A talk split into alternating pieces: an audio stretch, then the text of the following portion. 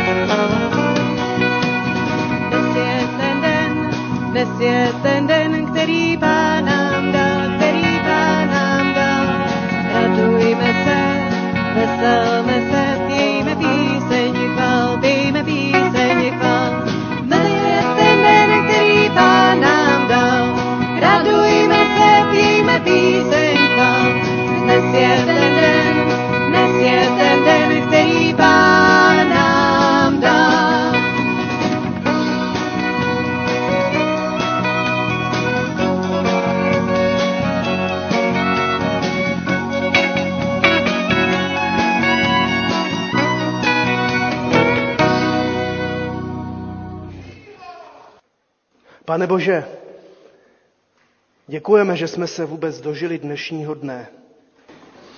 Děkujeme za slunce, děkujeme, když přijde i déšť, děkujeme za tvé mnohé požehnání, které jsme v životě dostali. Děkujeme za to, že zde můžeme být mladí i staří, děti i nejstarší. Děkujeme, pane Bože, že ty jsi tak dobrý, že dáváš právě svému slunci i dešti eh, požehnání, se síláš na dobré lidi i zlé. Děkujeme, že tvé milosrdenství je věčné. Tak se prosíme i dnes nad námi smiluj.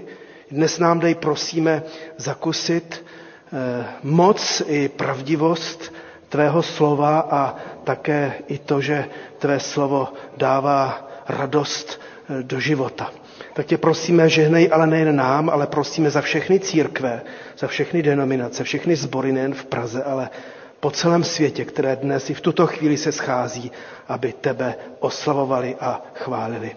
Amen. Můžeme se posadit. Naslouchejme nyní slovům Evangelia, a to konkrétně z Jana z 13. kapitoly.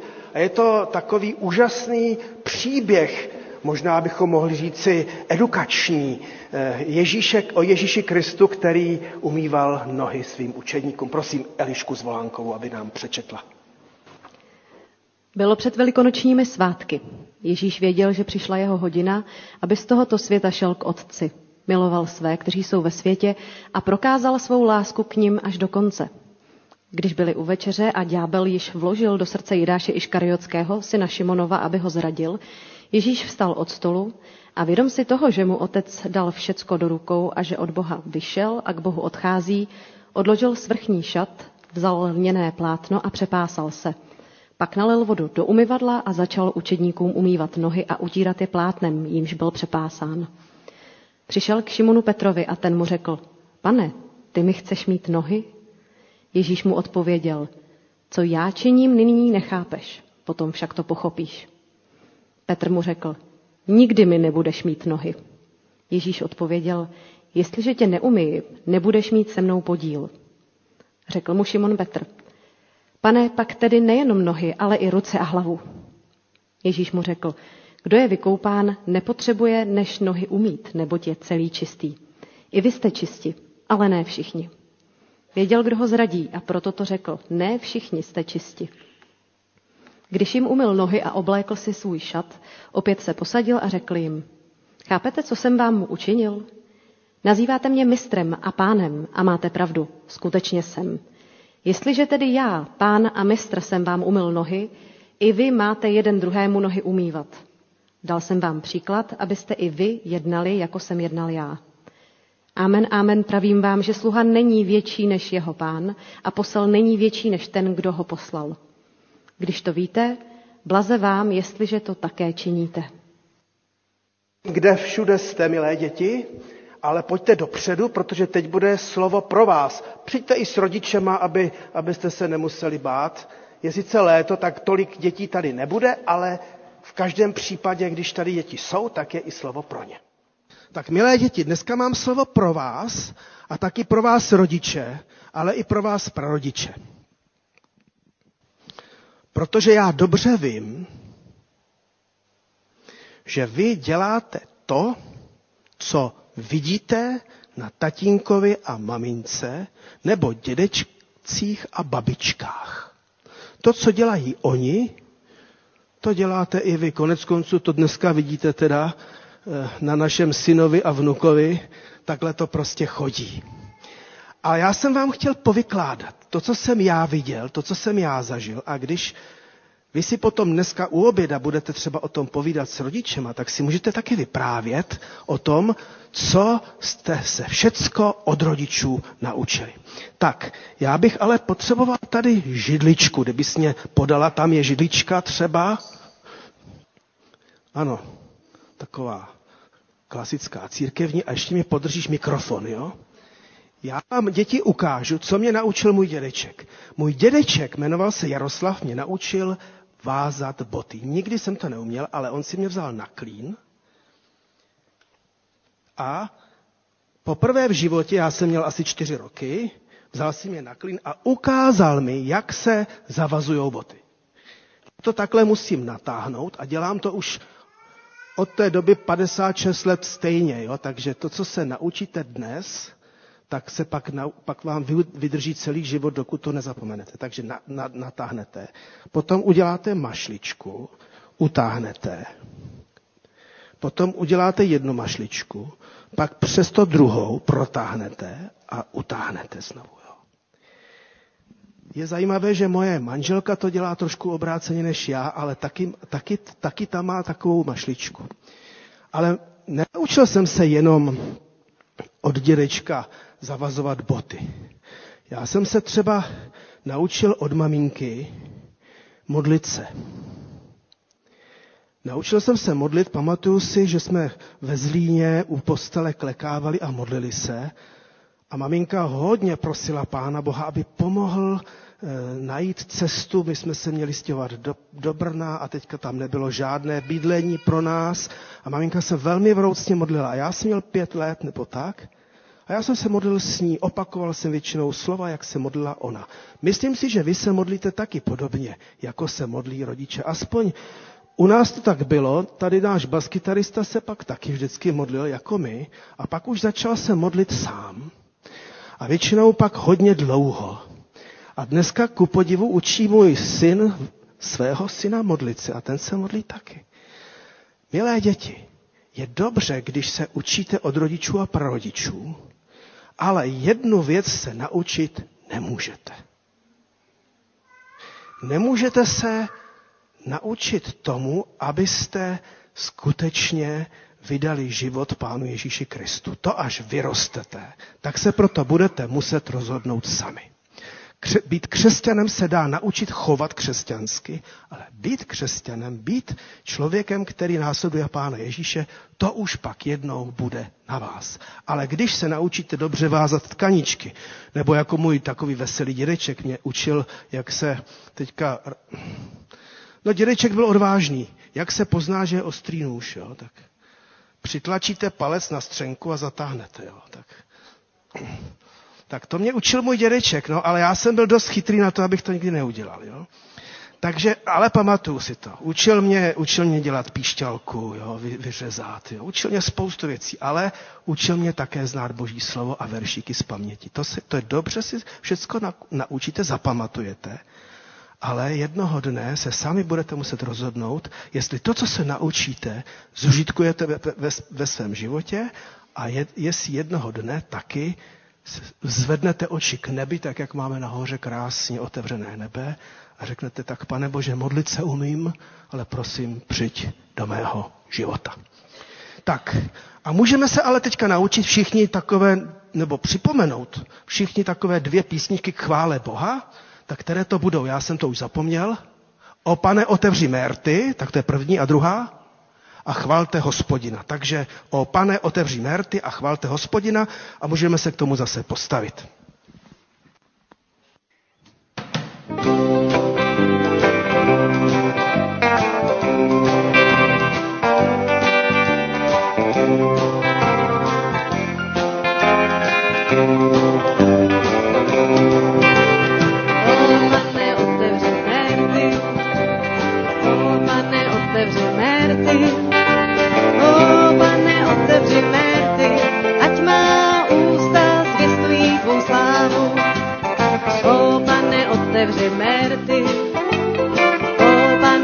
Otevři merty, o pane, otevři merty, ať má ústa zvěstují tvou slávu. Jsi veliký a mocný Bůh, jen tobě patří naše chvála. Jsi veliký a mocný Bůh, jen tobě patří chvála. Jsi veliký a mocný Bůh, naše chvála, si veliký a mocný Bůh, jen tobě patří chvála.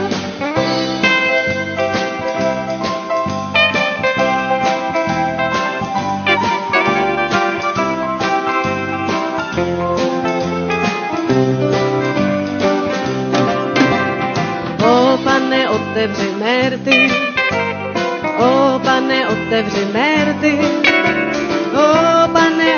otevři merty, ať má ústa zvěstují tvou slávu. Jsi veliký a mocný Bůh, jen tobě patří naše chvála. Jsi veliký a mocný Bůh, jen tobě patří chvála. Jsi veliký a mocný Bůh, jen tobě patří naše chvála. Jsi veliký a mocný Bůh, tobě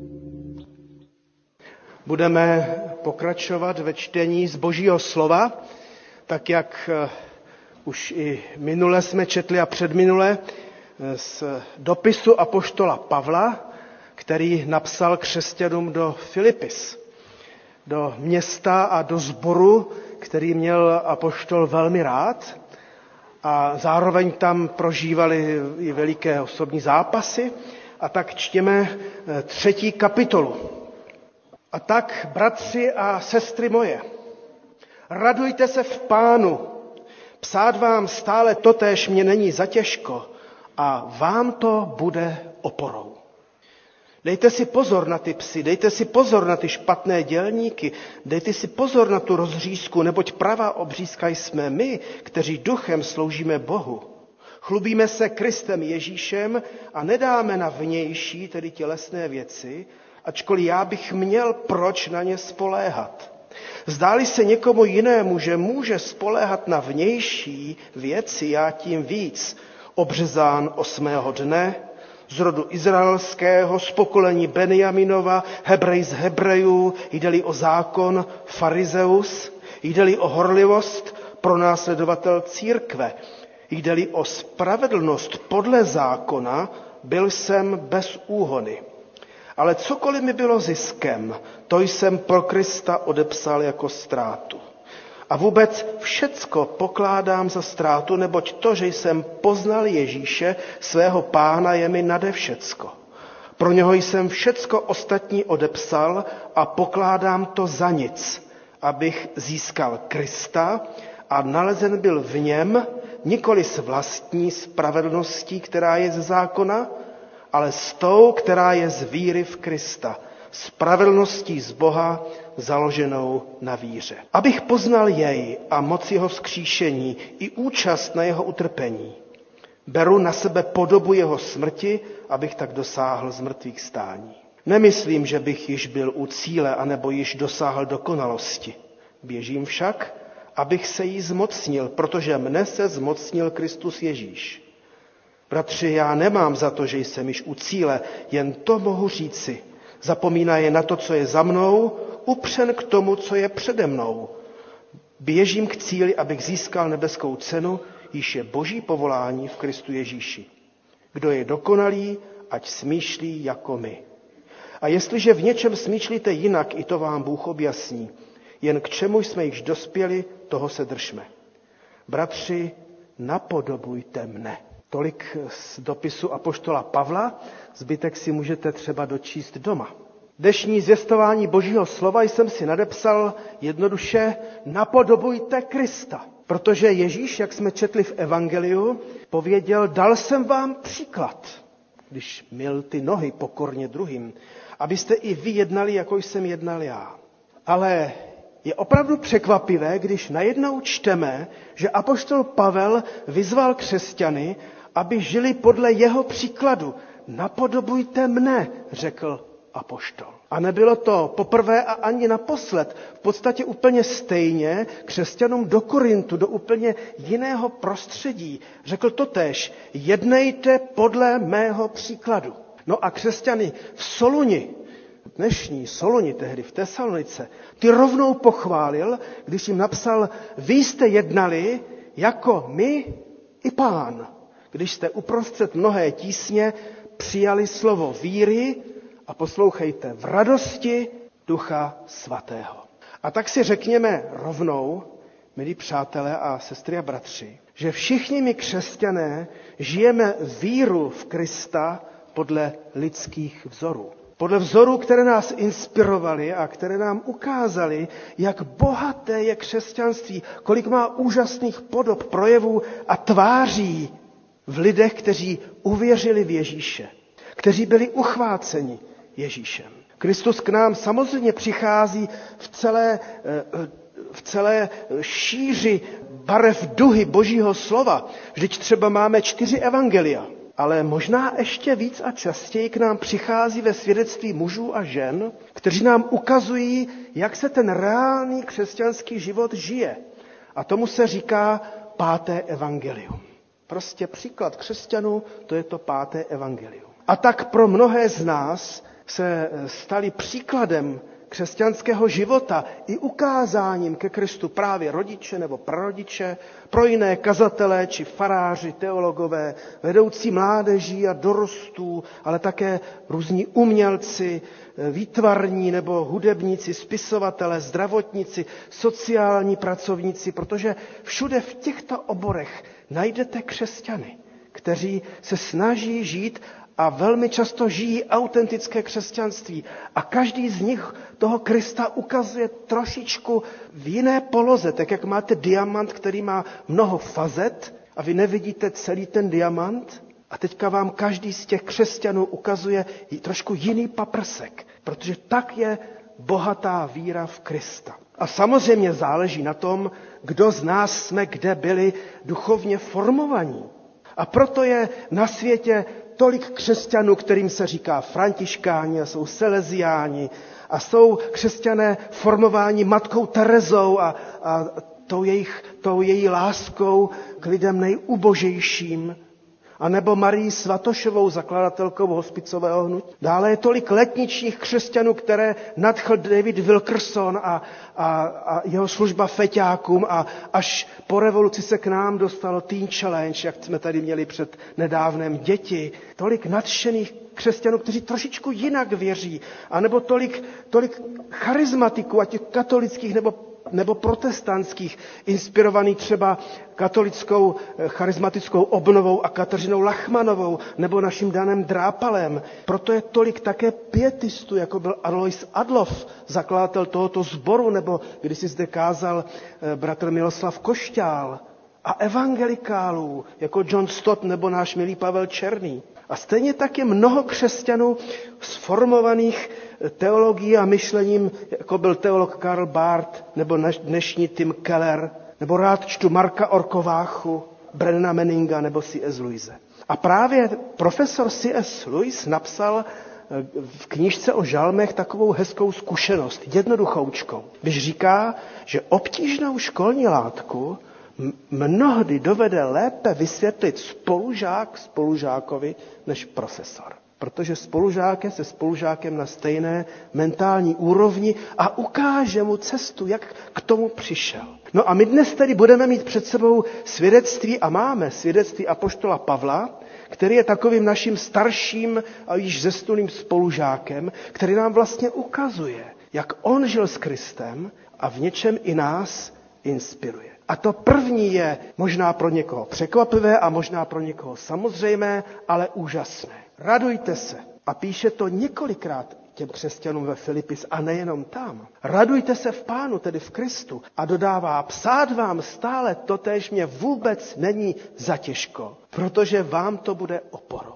A tak je dobře si říci, že radost je obsažena v samotném jádru víry v Ježíše. Že tedy křesťanství není primárně vážné a pochmurné a, a, a takové jaksi velmi závažné křesťanství, ale je to především radost z milosti. Už jsme citovali Pavla, jak byl nadšen z křesťanů v Soluni a to se mně velice líbí, že on říká, vy jste jednali jako my i pán, že jste uprostřed mnohé tísně. To znamená, vůbec si nenamlouvali e, nic, žili v těžkém životě a vůbec nepoužívali náboženství jako opium, které je mělo uchlácholit. Uprostřed tísně jste přijali víru v radosti Ducha Svatého. Radost je jistě především emoce, ale ještě mnohem více je to ovoce i dar Ducha Svatého. Je to životní nastavení křesťana. Neboť křesťané mají důvod se radovat, dokonce i tehdy, když je život zatěžující a když jsme sevřeni mnohou tísní. Aspoň v mém případě to tak je, že bývám sevřen mnohými úzkostmi. Často. Ale příklad Pavla je skutečně nesmírně inspirativní. Totiž on psal dopis do Filipis z vězení a tam jim psal o tom, že se raduje a nevěděl, jestli bude popraven. Raduje se a spolu raduje s ostatními křesťany, i kdyby měl umřít.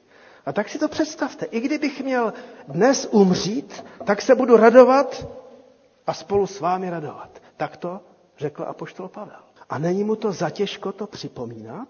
Protože to bude pro ostatní oporou. Nemohl jsem si nevzpomenout na nedávno výročí upálení mistra Jana Husa, který vlastně úplně bezprostředně před popravou pověděl a vyznal. Bůh je mi svědkem, že.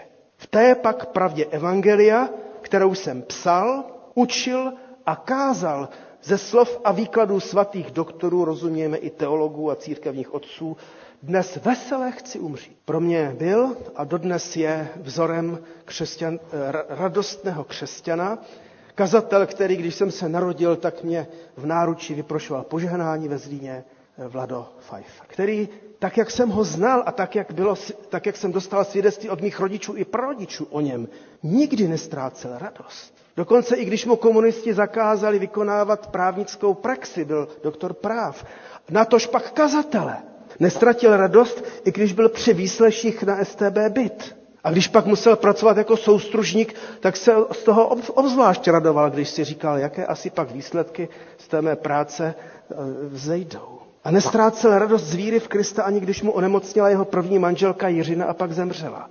Ani když se rozloučil se svou druhou manželkou Ruth. Nestratil radost dokonce, a to pro mě bylo velmi zajímavé, když eh, prožíval také mnoha ublížení a ukřivdění ze strany církve a někdy i vedení církve. Vel, veliký příklad. A jak jsem slyšel od jeho dcery, nestratil radost ani v 90 letech, když ho opouštěla síla a pak. A od něj si pamatuju jednu větu, Eliška nám tady hraje na housle, ty housle jsou teďka takhle pověšené, tak se na ně můžete podívat, protože Vlado Kfalfer říkal, křesťan nemá mít tvář jako protažené housle, ale má se radovat. Nebo ti důvod se radovat. A poštol Pavel napsal, máme občanství v nebesích a to je víc než mít zelenou kartu v USA. A nebo, jak teďka dostávají naše sestry a bratři z Ukrajiny, status uprchlíka v České republice. Máme občanství v nebesích. Jsme zakotveni více než v té rodné hroudě. Jsme prach a v prach se navrátíme, ale jsme zakotveni bytostně v nebesích. Takže i když na nás křesťany, jako i na apoštola Pavla, který to vyznával právě v dopise korinským, přicházejí mnohé úzkosti, mnohé tísně, nouze, únava, hlad, žízeň a i realita smrti, přesto se můžeme radovat a radujeme. A k radosti, a ten dopis Pavla nám to napovídá, k radosti se ale musíme povzbudit. Já občas připomínám našeho milého kolegu kazatele Tomáše Trávnička, který říká, že nikdy nepije, když má deprese, ale jenom když má radost, aby si udělal větší radost. Že neřeší těžkosti eh, alkoholem, ale když má radost, tak si víno nalije. A myslím si, že to je hezké svědectví, že totiž se k radosti máme a můžeme povzbudit modlitbou, potěšením, můžeme se vzít kolem ramen a připomenout, jak apoštol Pavel to říkal, Není mě zatěžko vám to připomenout. Máte důvod se radovat. Jste zakotveni v nebesích. No a nakonec podíváte-li se na samotného Ježíše, kterého máme především napodobovat, tak o něm čteme v Bibli, že také plakal. Že se také někdy hněval. Že byl také někdy unavený žíznivý. Ale jeho život, tak jak čteme Evangelia, byl naplněn radostí a mě obzvlášť těší, když čtu, že se vlastně úplně nejvíc radoval, když jedl a pil s těmi zkrachovalci života, kteří ale činili pokání a prožili sebereflexy. Jako ten marnotratný kluk z 15. kapitoly Lukáše, který celé to tatínkovo dědictví propil v pánských klubech. Proto se radujme s Kristem i z Krista. A to druhé, co si můžeme vzít jako příklad křesťanského života od apoštola Pavla dnes, tuto neděli, bylo by toho hrozně moc, ale jenom dvě věci dneska nám položím na srdce, je, že se máme a můžeme Kristem chlubit. Neboť máme být na koho hrdí. A poštol to pověděl takto. Chlubíme se Kristem, Ježíšem a nedáme na ty vnější, tam používá slovo tělesné věci. Mohli bychom říct ty formální věci. A nebo nedáme na nějakou náboženskou konformitu. Chlubíme se tím, co Bůh učinil v hloubi i našich srdcí a kam až Bůh v Kristu se stoupil do našich životů. Vzor apoštola Pavla je opravdu mimořádný. Nevím, na co jste všechno hrdí ve svém životě vy. Tak, jak vás mnohé znám, tak vím, že máte být na co. A poštol Pavel byl starý mládenec a ten eh, nemohl být hrdý ani na manželku, ani na děti, na tož pak na vnoučata, ale mohl být hrdý na svou kulturu a na všechno to, co mu bylo od dětství vloženo do života. A také zpočátku byl.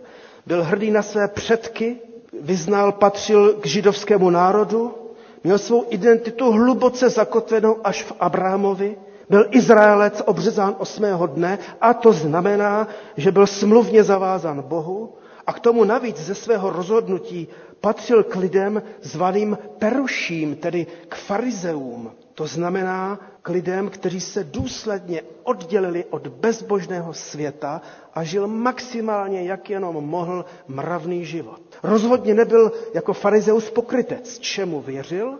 To důsledně podle zákona dělal a proto také vyznal, že podle zákona jsem byl spravedlivý. Dnes bychom řekli, že byl křesťanem generačně zakotveným v církvi, něco třeba i na způsob kalvinistického reformačního střihu, bral víru i mravní zásady z víry vyplývající skutečně naprosto vážně a samozřejmě byl horlivý služebník. A v jako většině mužů to tak jako máme nastavené, že práce a angažovanost zřejmě i jemu dodávala sebehodnotu a sebeúctu. Jenomže v případě apoštola Pavla se stala zvláštní věc. Přestože neprožíval žádnou vnitřně mravní nouzi, tak prožil osvícení Kristem. Kde si u Damašku, před Damaškem. Prožil setkání se vzkříšeným a předtím ukřižovaným Ježíšem. A v této konfrontaci a následně v této hluboké katarzi prožil proměnu vidění všech hodnot, kterými doposud žil a na kterých stálo doposud jeho sebevědomí. Najednou jakoby ohněm prošlo všechno to vzácné a cené, co jako pro něj, co udávalo eh, jeho existenci. Katarzí ohně prošlo jeho sebevědomí, jeho původ, vysoká mravnost, disciplína, entuziasmus, služba Bohu. No a apoštol, jestli jste to dobře četli a stálo by to za to číst i v jiných překladech, na tož pak v řečtině, tak eh, apoštol Pavel pak vyznal, že když poznal Krista, když poznal Ježíše, když byl osvícen Ježíšem, tak ve srovnání s Kristem všechny ty hodnoty, které pro něj předtím určovaly úplně všechno, stály doslova za lejno. Kdo jste úzkostlivější, tak za hnůj. A kdo byste ani hnůj nesnesli, tak za nic. Alespoň tak to sám Pavel vyznal. To je, to bylo jeho vyznání. Tak zhodnotil svou minulost a tak zhodnotil tu úžasnou situaci a fakt, že Kristus vstoupil do jeho života. A v tom je následování hodný, v tom je napodobení hodný. Kristus totiž není hodnota mezi hodnotami. Tak to poznal apoštol Pavel. Ježíše totiž nelze ani povýšit na první místo našeho žebříčku hodnot. Protože tím bychom Ježíše, z Ježíše učinili věc mezi věcmi. Byť první. Jenomže Kristus přesahuje úplně všechno. Všechny náboženské a mravní ideály. Proto Pavel, uchvácený a přemožený Kristem, napsal korinským, kdo je v Kristu, je nové stvoření. Staré pominulo a je tu všechno nové. A Galackým napsal, žije ve mně Kristus. Takže kdo jste, milé sestry a bratři, přátelé, byli zasaženi světlem Ježíše Krista, kdo jsme prožili, že Ježíš Kristus je náš pán a spasitel, tak už nemusíme zakládat svou identitu a hodnotu na svém rodokmenu, byť dlouhém. My Matulíkovi ho máme někde do 17. století zatím nalezený. Ale to není naše hlavní hodnota. Ta je v Kristu. Ani na vzácné křesťanské církevní tradici, ani na své mravní bezúhonosti či horlivé službě, protože se chlubíme jenom Kristem, který se nám stal, jak apoštol Pavel jinde napsal, moudrostí od Boha, spravedlností, posvěcením, vykoupením, jak je psáno. Kdo se chlubí, ať se chlubí v pánu. Protože vedle Ježíše, a tady jsem za to velmi vděčný, jak ten Pavel byl expresivní. Vedle Ježíše, a zdůraznuju pouze vedle Ježíše, všechno to ostatní stojí prostě v praxe navrátí. A tak na závěr Pavel pověděl, napodobujte mne. Hleďte na ty, kteří žijí podle našeho příkladu. Ona to je taková otcovská rada, protože rodiče nemohou říct dětem, víte, země si moc příklad neberte děti. Naopak, rodiče musí být příkladem pro děti. A děti budou dělat to, co dělají rodiče. Ať se vám to rodiče líbí nebo nelíbí. Tak to prostě je. A tak to otcovsky to apoštol Pavel napsal. Ale nemluvil jen o sobě. Moc pěkně tam pověděl, hleďte na ty, kteří žijí podle našeho příkladu. Takže těch lidí, kteří žili i podle vzoru mustru a poštola Pavla bylo skutečně hodně. A tak dnes jsme inspirováni naším starším bratrem ve víře a poštolem Pavlem. Ukázali jsme si, v čem bylo skvělé, v čem by bylo skvělé, kdybychom Ježíše doopravdy napodobovali podle způsobu Pavla. Moc bych si přál, a přál bych vám i sobě, aby naše křesťanství bylo plné radosti. Navzdory těžké době, navzdory válce na Ukrajině, navzdory tomu, že nevíme, jestli bude odpojen plyn nebo nebude, navzdory zdražování, navzdory tomu, že se ještě asi strhne politická bitva, kdo, si, kdo pak bude chtít v naší zemi vládnout. Navzdory další vlně koronaviru.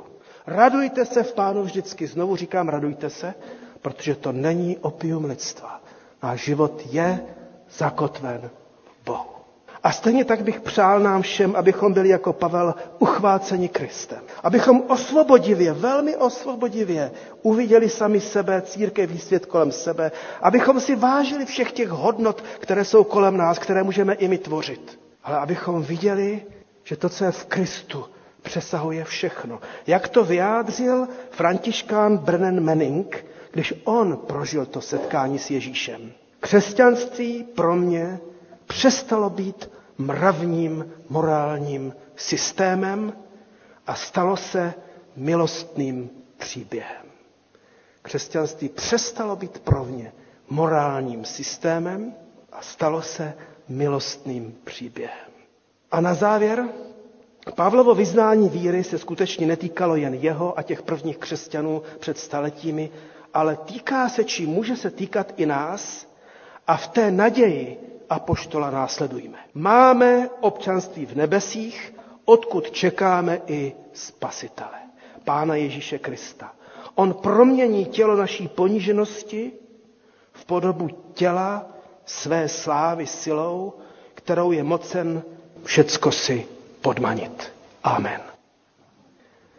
No a e, je, prosím, hudebníky, aby nastoupili je příhodná píseň, kterou můžeme i k této naději, která se stahuje až do nebe, můžeme zaspívat písničku Brzy přijde den, až nás přivítá náš pán a jak to pak bude v nebi. Tak o tom všem si můžeme zaspívat. Je to písnička z kancionálu 172 a myslím si, že se nám taky bude lépe dýchat a oslovat Pána Boha, když k tomu povstaneme. Nepůjdu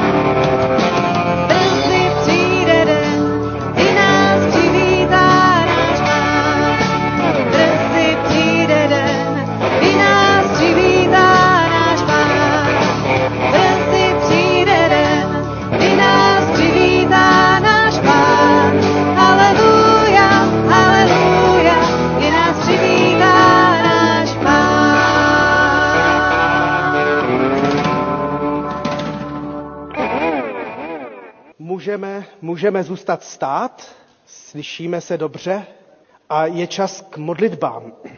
Poprosil jsem bratra Martina Pavlička a Peky Němečka, aby nás k modlitbám vedli. Tady vám pošlu dopředu mikrofon, aby vás bylo slyšet. Pane Bože, děkujeme ti za to, že smíme být tady pohromadě.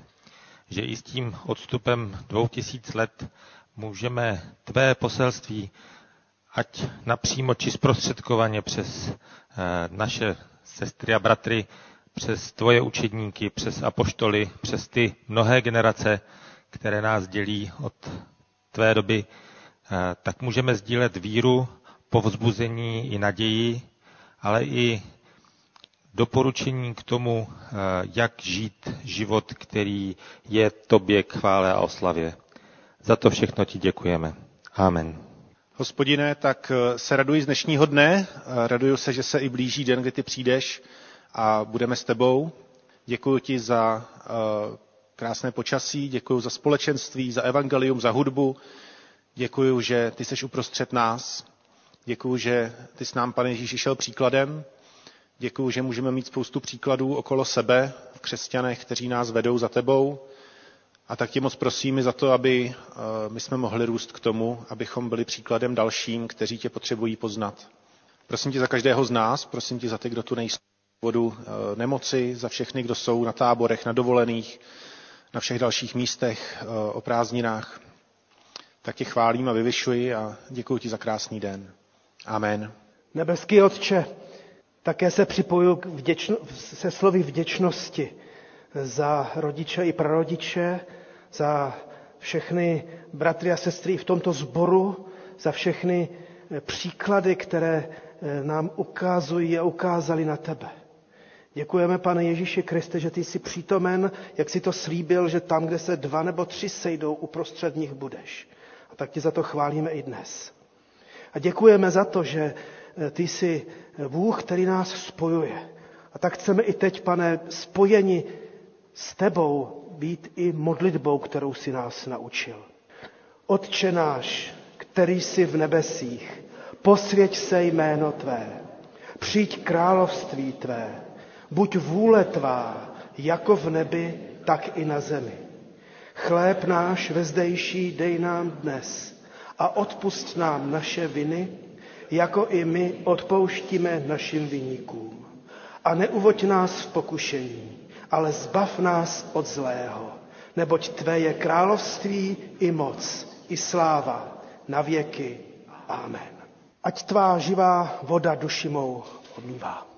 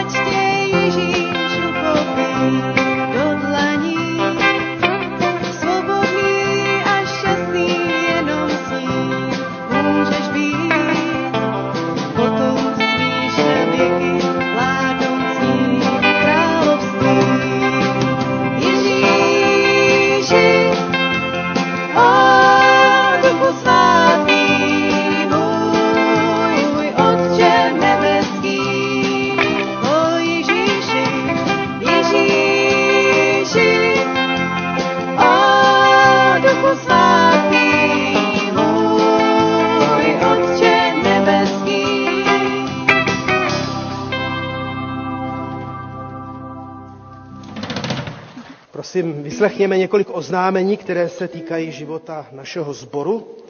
Přes léto se scházíme každou neděli v 10 hodin zde, také i prostřednictvím kamer. Lépe je ovšem být přítomen tady, když to jenom trošku jde, tak přijďme. A každé úterý v 18.30 hodin je biblické studium, biblická hodina. Červenci zde ve velkém klubu v Dolních prostorách setkáváme se i s našimi sestrami a bratřími ze Smíchova, ze Žižkova a potom v srpnu to bude na Žižkově. Připomínám, že 31. Eh, odtud z našeho schromáždění, z naší modlitebny bude vysílán přímý přenos do Českého rozhlasu stanice Vltava a to od 9 hodin, takže tady to bude vyžadovat trošku větší vaši ranní disciplínu, abyste přišli včas. Budeme zase hrát s jiným uskopením i z varhany a bude, budou, budeme zpívat písně z provenience té, té komunity francouzské teze.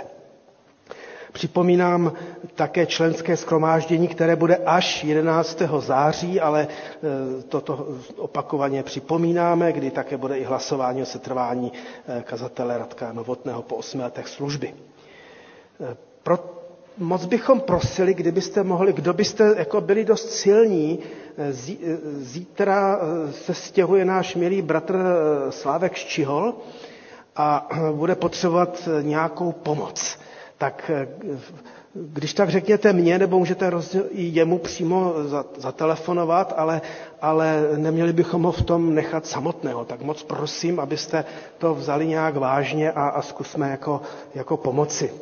Připomínám, že zborová dovolená začne právě tu neděli, kdy odtud bude rozhlasová bohoslužba, ale máme nástup až, až na večeři 31. takže to stíháme. A připomínám i rodinnou dovolenou, která bude až v říjnu a můžete se hlásit u sestry Sandry Němečkové. I nadále se modleme za Ukrajinu a za sestry a bratry, za utečence a, a za tu situaci tam a připomínáme i nyní naše nemocné, zvláště pak po operaci sestru Gabrielu Mančalovou a také i bratra Jonatana Wernera, sestru Martinu Košťálovou, Bohuslavu Hlavničkovou a všechny ty naše nejstarší sestry a bratry, které si připomínáme. A teď ještě i zvlášť sestru Marii Kalinovou, která prožívá takovou ve stáří větší zdravotní krizi. Stižme se, zůstaňme sedět a já se pomodlím. Děkujeme Bože, že tak, jak jsme ji zpívali, že tu každou nesnás a, a trápení ti můžeme odevzdávat, tak ti odevzdáváme i tu situaci ve světě, v Evropě, i na Ukrajině. Pane, smiluj se nějakým způsobem oslov i, i politiky, pomoz najít cestu. Moc tě prosíme, pane, i za lidi postižené pandemí, koronavirem ve světě i u nás a za ty naše nemocné, ty naše nejstarší sestry a bratry, za Elu Mančalovou také po operaci. Smiluj se nad ní jako i nad Jonatanem, i, i Martinou. A teď zvlášť prosíme i za sestru, za sestru Marii Kalinovou, aby si ji podržel a i její rodinu. Amen. Naše dnešní bohoslužba je téměř u konce a bude dobré, abychom odešli se slovem na cestu, s takovým vysláním, i slovem požehnání a také i s písničkou Nartech tak potom nakonec budeme zpívat písničku, známou písničku, ona se také dost často zpívá na pohřbech. Krásnou vlast připravil pro svůj lid.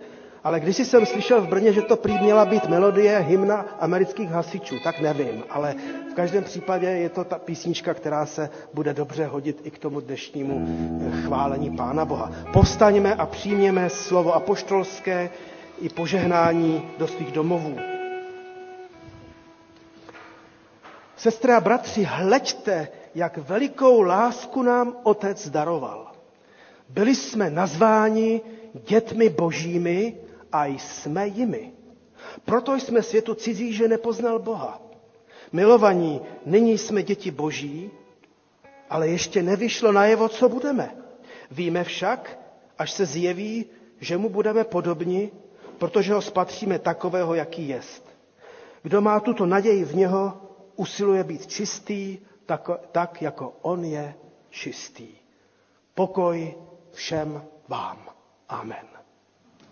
A zpívejme onu píseň Krásnou vlast připravil pro svůj lid.